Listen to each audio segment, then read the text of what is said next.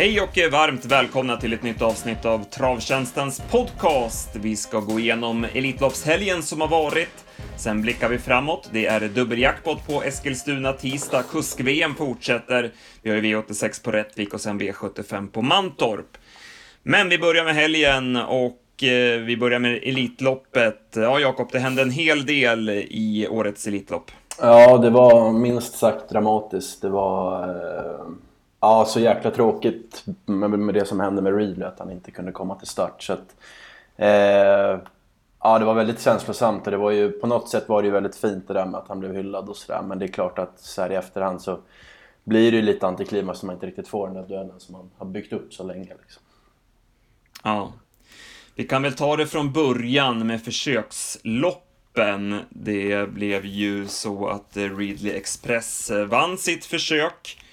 Det blev eh, körning från eh, start där Make the Mark lite överraskande höll ut Disco Volante från början. Sedan eh, tog Double Exposure dödens, svarade ut Readly Express runt svängen, men Erik såg väl att han inte kunde få överta från Ulf Olsson utan att Olsson ville släppa till Readly, så då fanns det inte så mycket att göra utan det var bara att släppa fram favoriten som då kunde överta ledningen i en snabb öppning och eh, sen gick han undan säkert till slut, eh, Readly.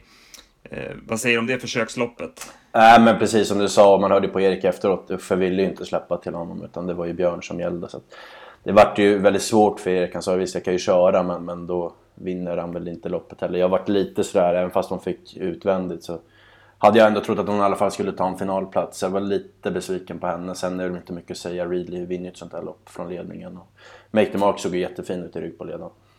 Ja.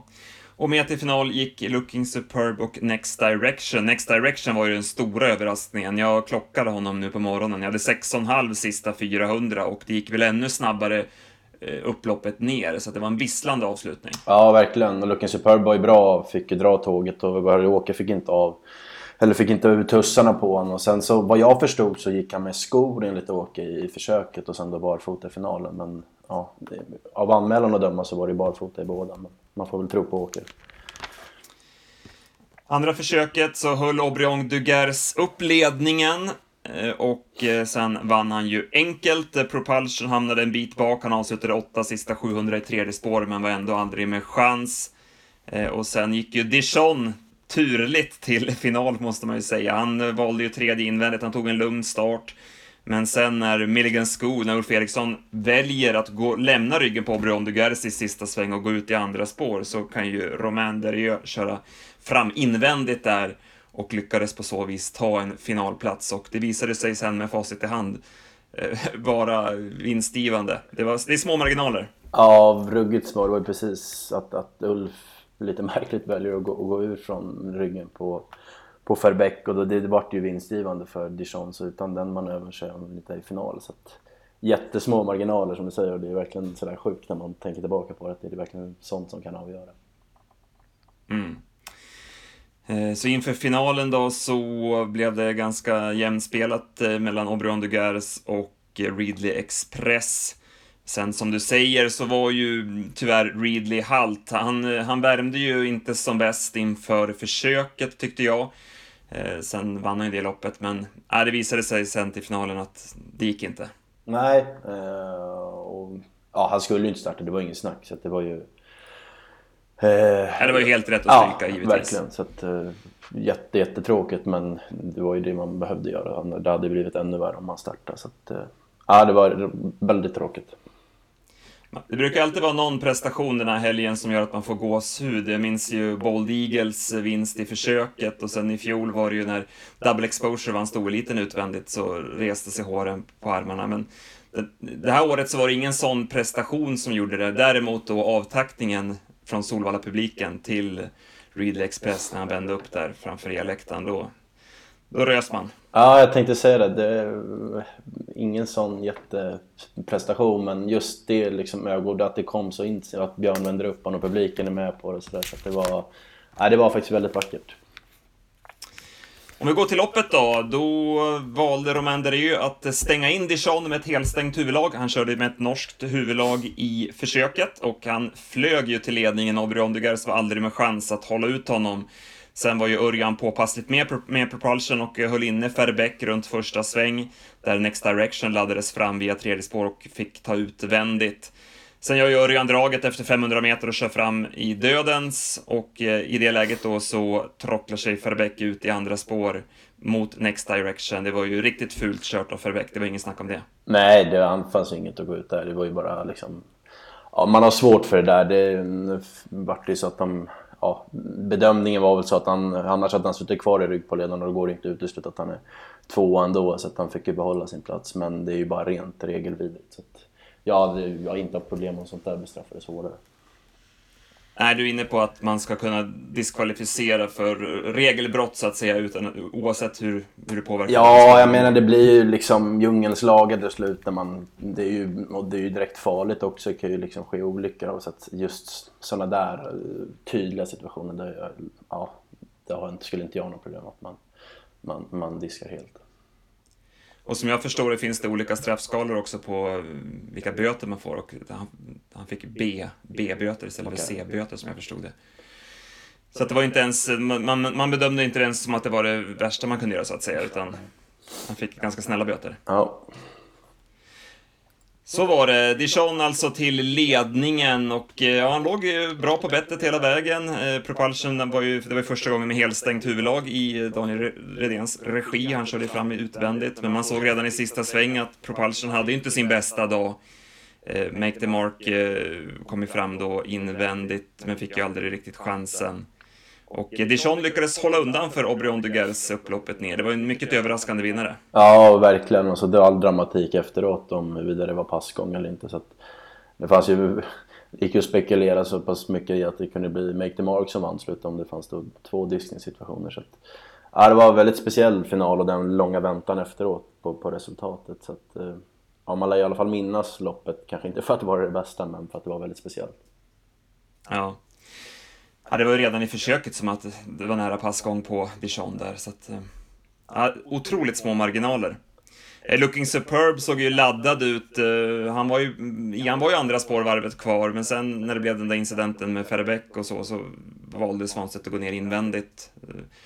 Och sen såg det väl ut som att han trampade upp i vagn där när han letade lucka, men jag läste nu efteråt att han var rejält hovöm hästen och eh, att man var osäkra nu på om man ska gå ut i Oslo Grand Prix. Så att, ja, det var ju surt det också. Verkligen. Och sen får man väl lida med, med, med Daniel och kretsen kring på Palsch. Jag menar, det här, nu vart det ju verkligen optimalt och har han sin normala dag så vinner han väl ett, ett sånt där final med tanke på hur det blev kört. Så att, det var surt för honom att han inte fick vara, att han inte var som bäst den här dagen.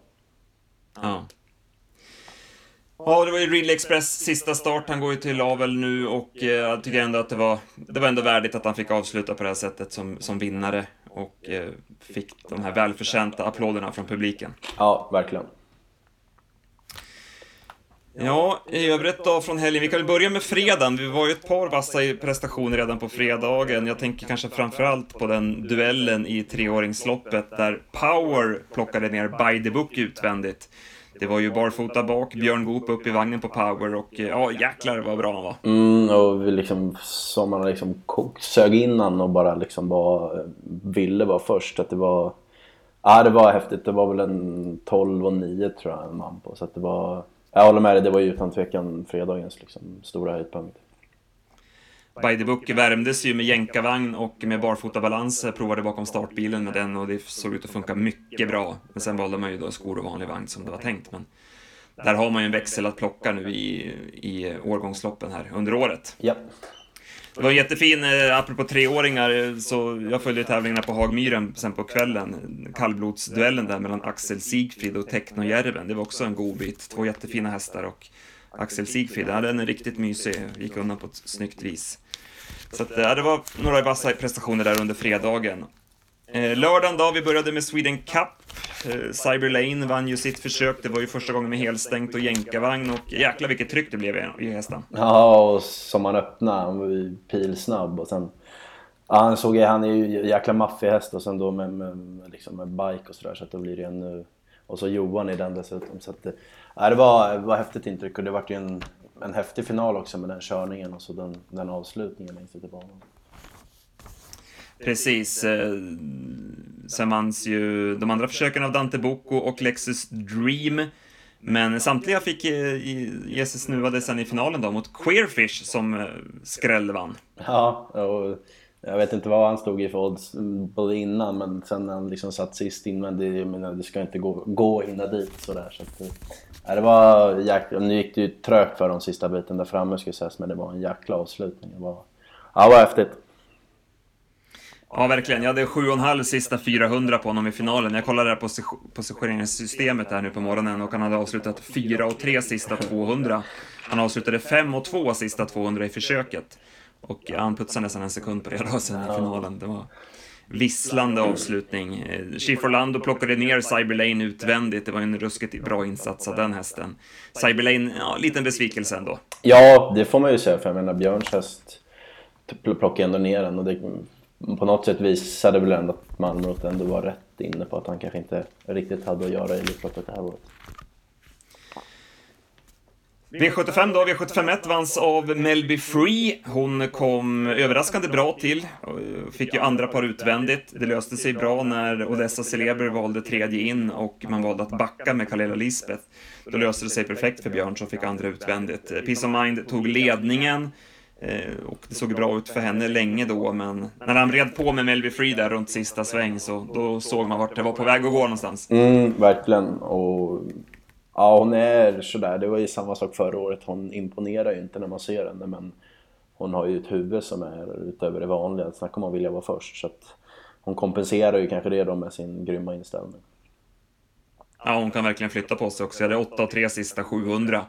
Och som sagt, sättet hon axade där runt sista kurvan, det var riktigt imponerande. Jag, tog, jag tog med mig Odessa Celeber bakom, jag tyckte hon såg jättefin ut. Han valde som sagt tredje invändigt och hon gick mål med krafter kvar, så att hon... Ja, hon utvecklas snabbt nu, Odessa Celeber. Mm, hon, är, hon är bra i ordning. V75 2 var Diamantstoets final. Hanky Panky Ruby Red var klar favorit, öppnade ganska bra från start, men Fossens Valley tog sig förbi. Och eh, jag vet inte om hon skyggade för stänk eller vad det var, men hon, eh, hon flög då i första kurvan, Hanky Panky Rubred. Och så galopperade Fossens Valley strax därefter och rullade över i galopp. Så att det blev en konstig start där inne i första kurvan. Ja, precis. Och det ändrade ju såklart hela loppet. Och sen då med tanke på hur ja, Hanky Panky gick ju bra med så som Fossens Valley såg ut. Så att, eh, man har väl svårt att tro att det skulle stå mellan någon annan än de två om de hade fått stå på benen. Ja, absolut. Alltså jag klockade Fossens Valley, jag hade 11 och 6 i 1700 meter och det är full fart genom mål. Och då klaffade det inte längs vägen heller, han valde invändigt och hamnade i dåliga ryggar så han fick ju backa sig loss och sådär. Så att, det var en jäkla vad hon gick, Fossens Valley. Så att, det blir inget snack om att hon blir en skrikhäst nästa gång hon kommer ut. Nej, det, det får man nog tro. Det blev skrällseger. Ananna de Bohem eh, tävlade i jänkarvagn för första gången och det gav bra effekt och hon vann på ett fint vis. Värmde också bra så att eh, hon var i ordningställd för dagen. Mm. I övrigt var jag var väl lite, det var väl ganska så blekt. En sån här som Miss Sober hade jag ju, för nu klaffade inte dina hundra för henne och det var vida spår sista sväng. Men jag var väl ändå lite sådär besviken på henne och det var väl ganska blekt bakom också. Så att, eh, bortsett från vinnaren så tyckte jag jag var lite besviken. Vi går vidare till bronsfinalen och eh, ja, det här som Bucks to Burn såg ut, alltså den provstarten, det var jäklar vad han var i ordning. Och det visade sig även från start, han öppnade snabbt från början, kunde ta ledningen, släppa till Vinci Rogar. Det blev helt perfekt åt honom och sen eh, lyckades han sätta dit nosen till slut eh, före Vinci Rogar. Det var, mm, nej, han är grym och vilken fin studs och vilket fint skick Daniel Redén har fått honom i. Ja, det är ju verkligen det man får plussa för kontra liksom ändå hur han kunde se ut i, i, hos Valman och den utvecklingen har varit på honom. Så att, ja, jag köper verkligen det och sen så gör Örjan alla rätt i loppet. Det var ju liksom givet att han skulle släppa och sen så får han ju chansen. Så att, ja, det, var, det var ett rafflande upplopp så det, var, det var ett kul lopp. Ja, man såg det i flera lopp den här helgen med Örjan, vad han liksom höjer sig ja. när, det, när det handlar om lite grejer och han gör alla rätt liksom. Det är, ja, det är häftigt att ja, se. Ja, exakt. Vi sa det vid bordet. Jag sa att, att det, vilken skillnad det ändå är på en kontra kanske en lunkkväll på vallen när man ser ändå att Örjan kanske inte är jätteintresserad. Så att, ja, jag är fullt enig när han höjer sig till den där nivån. Då är han, ja jäklar. Bakom så plussar jag för Kobbys Olifant, hans avslutning. Det där är en häst som, jag minns att vi var på honom ganska tidigt som skräll i någon podd. Eh, och sen tog han några raka, men då trodde man ändå att ja, men nu har han väl ändå gått upp lite grann och gått in i taket kanske. Men nej, han eh, fortsätter utvecklas. Det är en Orlando Vici-häst som bara blir bättre och bättre. Ja. Vi bläddrar vidare till V75 4 och även här så galopperades det in i första kurvan. Det var Twice Kronos som laddades iväg barfota runt om, flög i första kurvan. Charlotte Viking, samma sak, det var även där barfota. Eh, det blev lite för mycket med den balanslättningen och full körning in i kurvan. Ja, precis. Så det vart ju liksom ett annat scenario på loppet. Så att, eh, ja, Tiger Woodland till ledningen var ja, ingenting som nej, det var kanske från bakspår. Svårt att lista ut det. Så att, eh, Men det kostar rejält. 7,5 första fem och de varvade på 10 så att det var ju godnatt ändå för Tiger Woodland.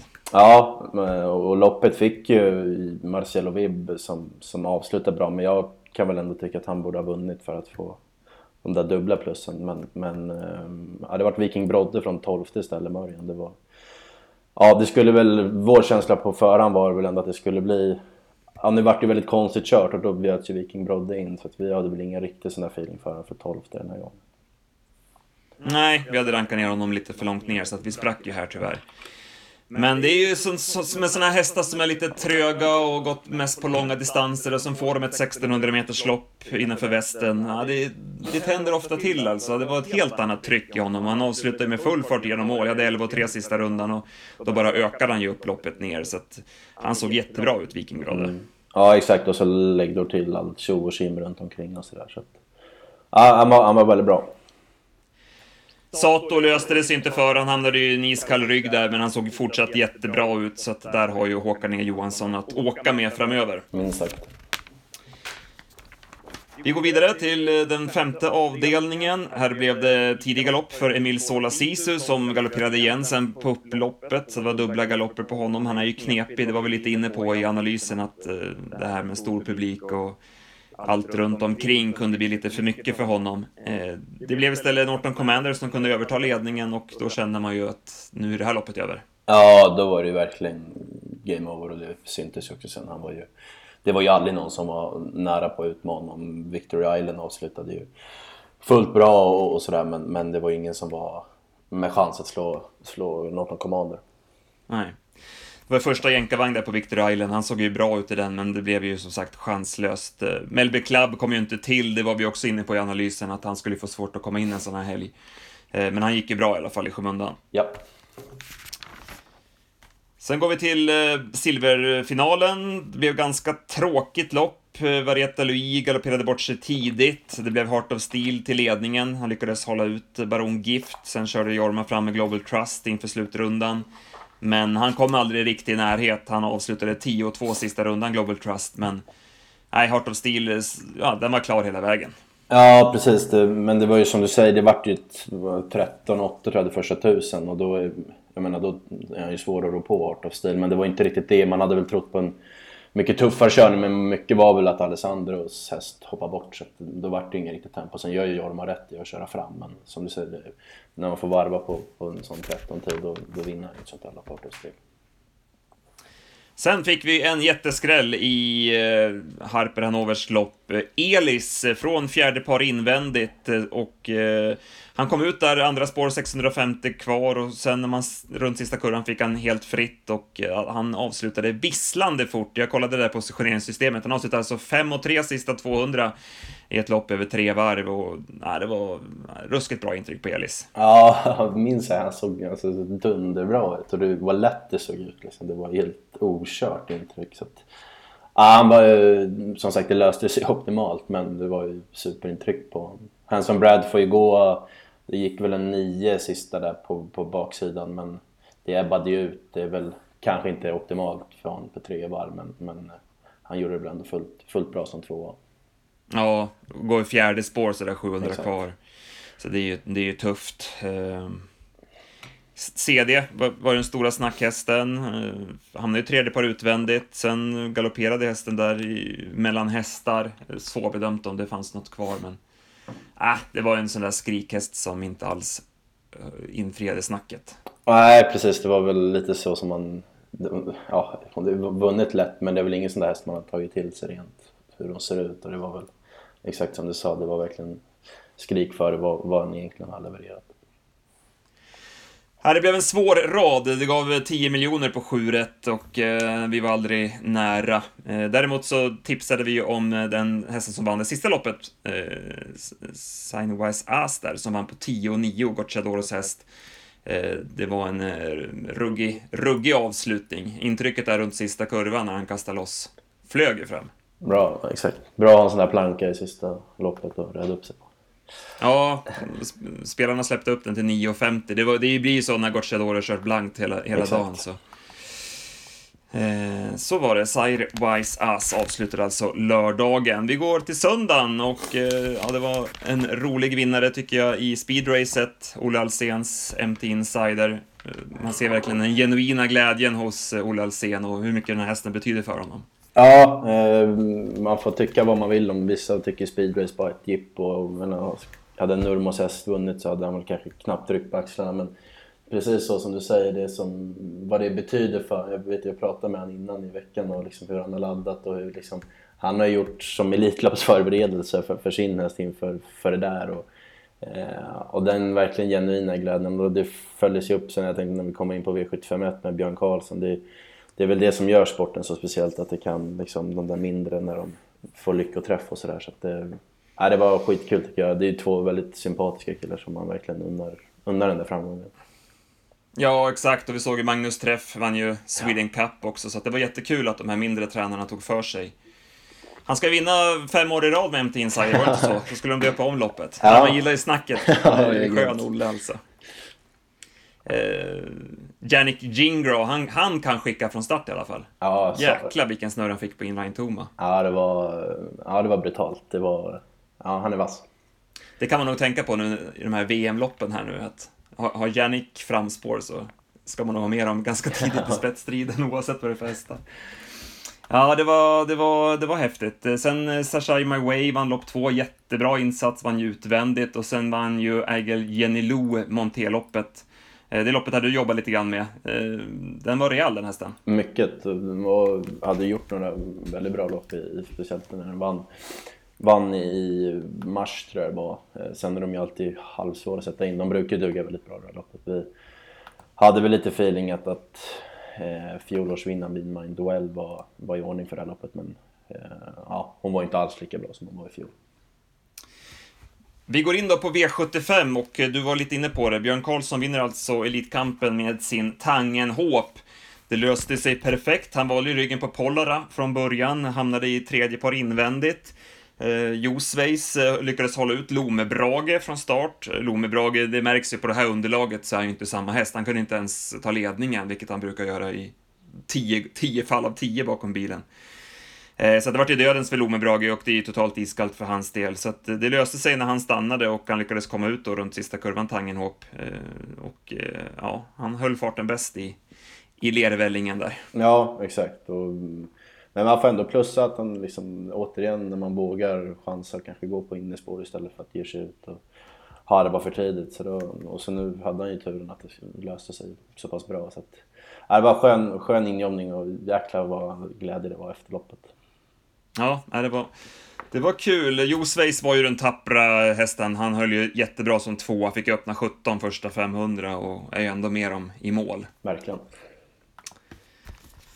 Sen har vi avhandlat Elitloppsförsöken, då går vi till V75 4 och här fick vi den här duellen som eh, uppsnacket var. Eh, Upset Face eh, lyckades hålla ledningen och sen tog Ludde emot Axel Rose och Gocciadoro och det vart ju alldeles för tuff körning dessa två emellan. Ja, men det här loppet tar man ändå med. Det här var ju, tycker jag, en av, en av de roligare i den här helgen och just det där med, med liksom Colgjini häst i spetsen mot allt. Alltså det är liksom man synte ju på honom när Ludde vänder sig och skriker åt honom. Lite sådär, så att jag tycker det var, det var faktiskt en sån där man kommer ihåg. Och sen så är det ju, alltså Alessandro kör ju bort, han kör ju så onödigt tufft. Så att, men ja, det vart ett häftigt lopp.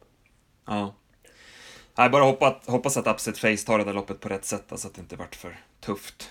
Nej, det är väldigt fint och man ser ju hur han vill kriga liksom sådär. Så där, som du säger. Ja, jävla driv i steget ja, på den, den är ju ruskigt fin. Ja. Det blev skrällseger. Den som gynnades av körningen var ju Aetos Kronos eh, som flög lågt. Han vann på 11,9, det var nytt svenskt rekord. Jag hade 7,5 sista 400. Och barfotabalansen gav ju verkligen bra effekt, även om det blev väldigt rulligt i slut. Det var inte långt borta för att han skulle rulla över i galopp strax före mål. Nej, Johan fick ju verkligen sitta prick, prickstilla den sista biten. Men som du säger, barfota. Sen vart det ju såklart bra kört men det var jäkla vad han gick. Så att, den var iordningställd det där loppet. Verkligen. Eh, sen går vi till eh, fyraåringseliten för ston. Det blev eh, favoritseger i Sali Gar. Hon levde upp till det man hade sett i det italienska arkivet. Hon bara forsade undan i ledningen, man på 10-8 och nej, hon är ruggigt fin. Ja, det var ju också en av de där sådana prestationerna som var... Ja, men det var ju så struligt innan hon felade och knappt ställde sig och sen vart det nästan lite halvflygande sådär så att det vart ju dramatiskt innan men sen när hon kom till spets och så som hon gick, jag menar 10-8 på, på det där underlaget, det var ju... Ja, det var ju något alldeles extra det med. Soran Kronos testades ju med jänkarvagn men galopperade direkt så att vi fick inget kvitto på vart hon stod för dagen. Nej. Sen går vi till fyraåringseliten. Här så lyckades Missile, Missile Hill hålla ledningen, men han valde att släppa till Evaluate och sen löste det sig perfekt med lucka på upploppet och eh, han avgjorde säkert. Eh, ytterligare ett förvandlingsnummer hos Daniel Rydén. Ja, det där hörs ju att vad Daniel gillar den där hästen. Så att, och, och återigen, det kan inte vara en slump att det löser sig för igen, utan det vart ju rätt igen. Så att, eh, ja, han han avgjorde kort men säkert för mål. Frick Duchenne blev det mycket snack om. Han gick ju en uh, ruggig långsida, var väl nere en bit under 08 där på baksidan. Uh, sen slogs de lite grann om spåret runt sista kurvan, han och Örjan. Mm, men han blev kvar där ute och sen ebbar ut lite grann för Frick Duchenne. Ja. Vad tycker du om Evaluate? Nej, jag tycker han borde ha vunnit. Ja. Uh, med tanke på att han fick överta ledningen och det såg ju klart ut. Nu var det ju med barfota och helstängt och hela balletten också, men... Jag, jag tänkte säga det, nu när man fick det där kittet så hade man nu visst underlag och sådär, men ja, jag håller med. Men det var väl lite känslan redan efter kungapokalsförsöket där, att man, man var ju inte så jätteinne på honom i finalen eh, efter det loppet. Och Nej. Även om det blev fel i finalen så var han ju aldrig med chans där heller. Och, ja, lite, lite frågetecken, kanske tufft att säga, men Nog ja, men jag förstår vad du menar, för jag menar, efter de där första så som många såg ut på Örebro, visserligen var det väl halvbilligt, men just in sådär så att man... Då kanske man höjde han lite för, för mycket. Så var det nog. Eh, sen avslutar vi med en skön vinnare för vår del. Eh, Eny de Soleil hade vi ju riktigt bra känsla för eh, stallgundersen hade ställt i ordning till den här dagen och man slängde på en jänkarvagn och ryckte skor och slängde på helstängt och det var hela, hela balletten. Och gav, det gav verkligen bra effekt. Vilket häftigt steg det är den här hästen. Ja, och skönt som, som du säger att ändå få avsluta på ja, men hela helgen på, på det där viset. Så att, eh, ja, det var skönt att han, han lyckades hålla undan hela vägen. Mm. Han var 7% av insatserna på V75. Eh, vi fick inte till V7, men vi fick ta betalt på dubben istället. Det blev en 13 000 någonting plus på dubben. Så det var ju en skön avslutning på, på dagen. Eh, den bakom var ju vi en via font eh, galopperade ju första kurvan men gick ju som ett skott efteråt. Jag hade 11 och 4 i 1200 meter och jag såg att Rebecka Derén twittrade ut nästa gångare ja, ja, till nästa start. Så att, Var ju, såg ju stark ut hon felade, men det rapporterar vi också om att hon inte värmde alls som bäst. Så den där galoppen, nu kanske Gocciadoras hästar kan bruka se ut som, men det kanske inte kom som en helt slump att hon ändå felade. Nej, hon travade ju dåligt i loppet innan på ja. Åby också. Så att äh, även om det fanns krafter så, nej, det gick inte att springa. Nej. I det, I det travet hela vägen in. Ja, ska vi nöja oss nöja oss så, höll jag på att säga. Nu har vi kört Elitloppshelg i 30 minuter. Ja. ja, men vi kan väl nämna det är ju jättespännande jackpot imorgon på, på Eskils och sen så ja, har vi V86 på Rättvik också på onsdag. Så att... och så mm, det var lite att grotta ner sig i. Det var, såg ut som en öppen omgång. Puss på lördag ja, det är ju Mantorp. Mötte ju Lucifer Lane som ju såg jättefin ut som fastlås senast och så var det ett par uppstickare till. Mm. Dina Skotts ära också, så att det var ju vi har lite att bita i i veckan också. Ja, precis. Det, travet rullar ju vidare. Så att det, det är alltid lite tomt så här måndag, men nu är det bara på igen. Jajamän. Eh, tack så mycket för att ni har lyssnat allihopa. Ha det bra. Hej, hej.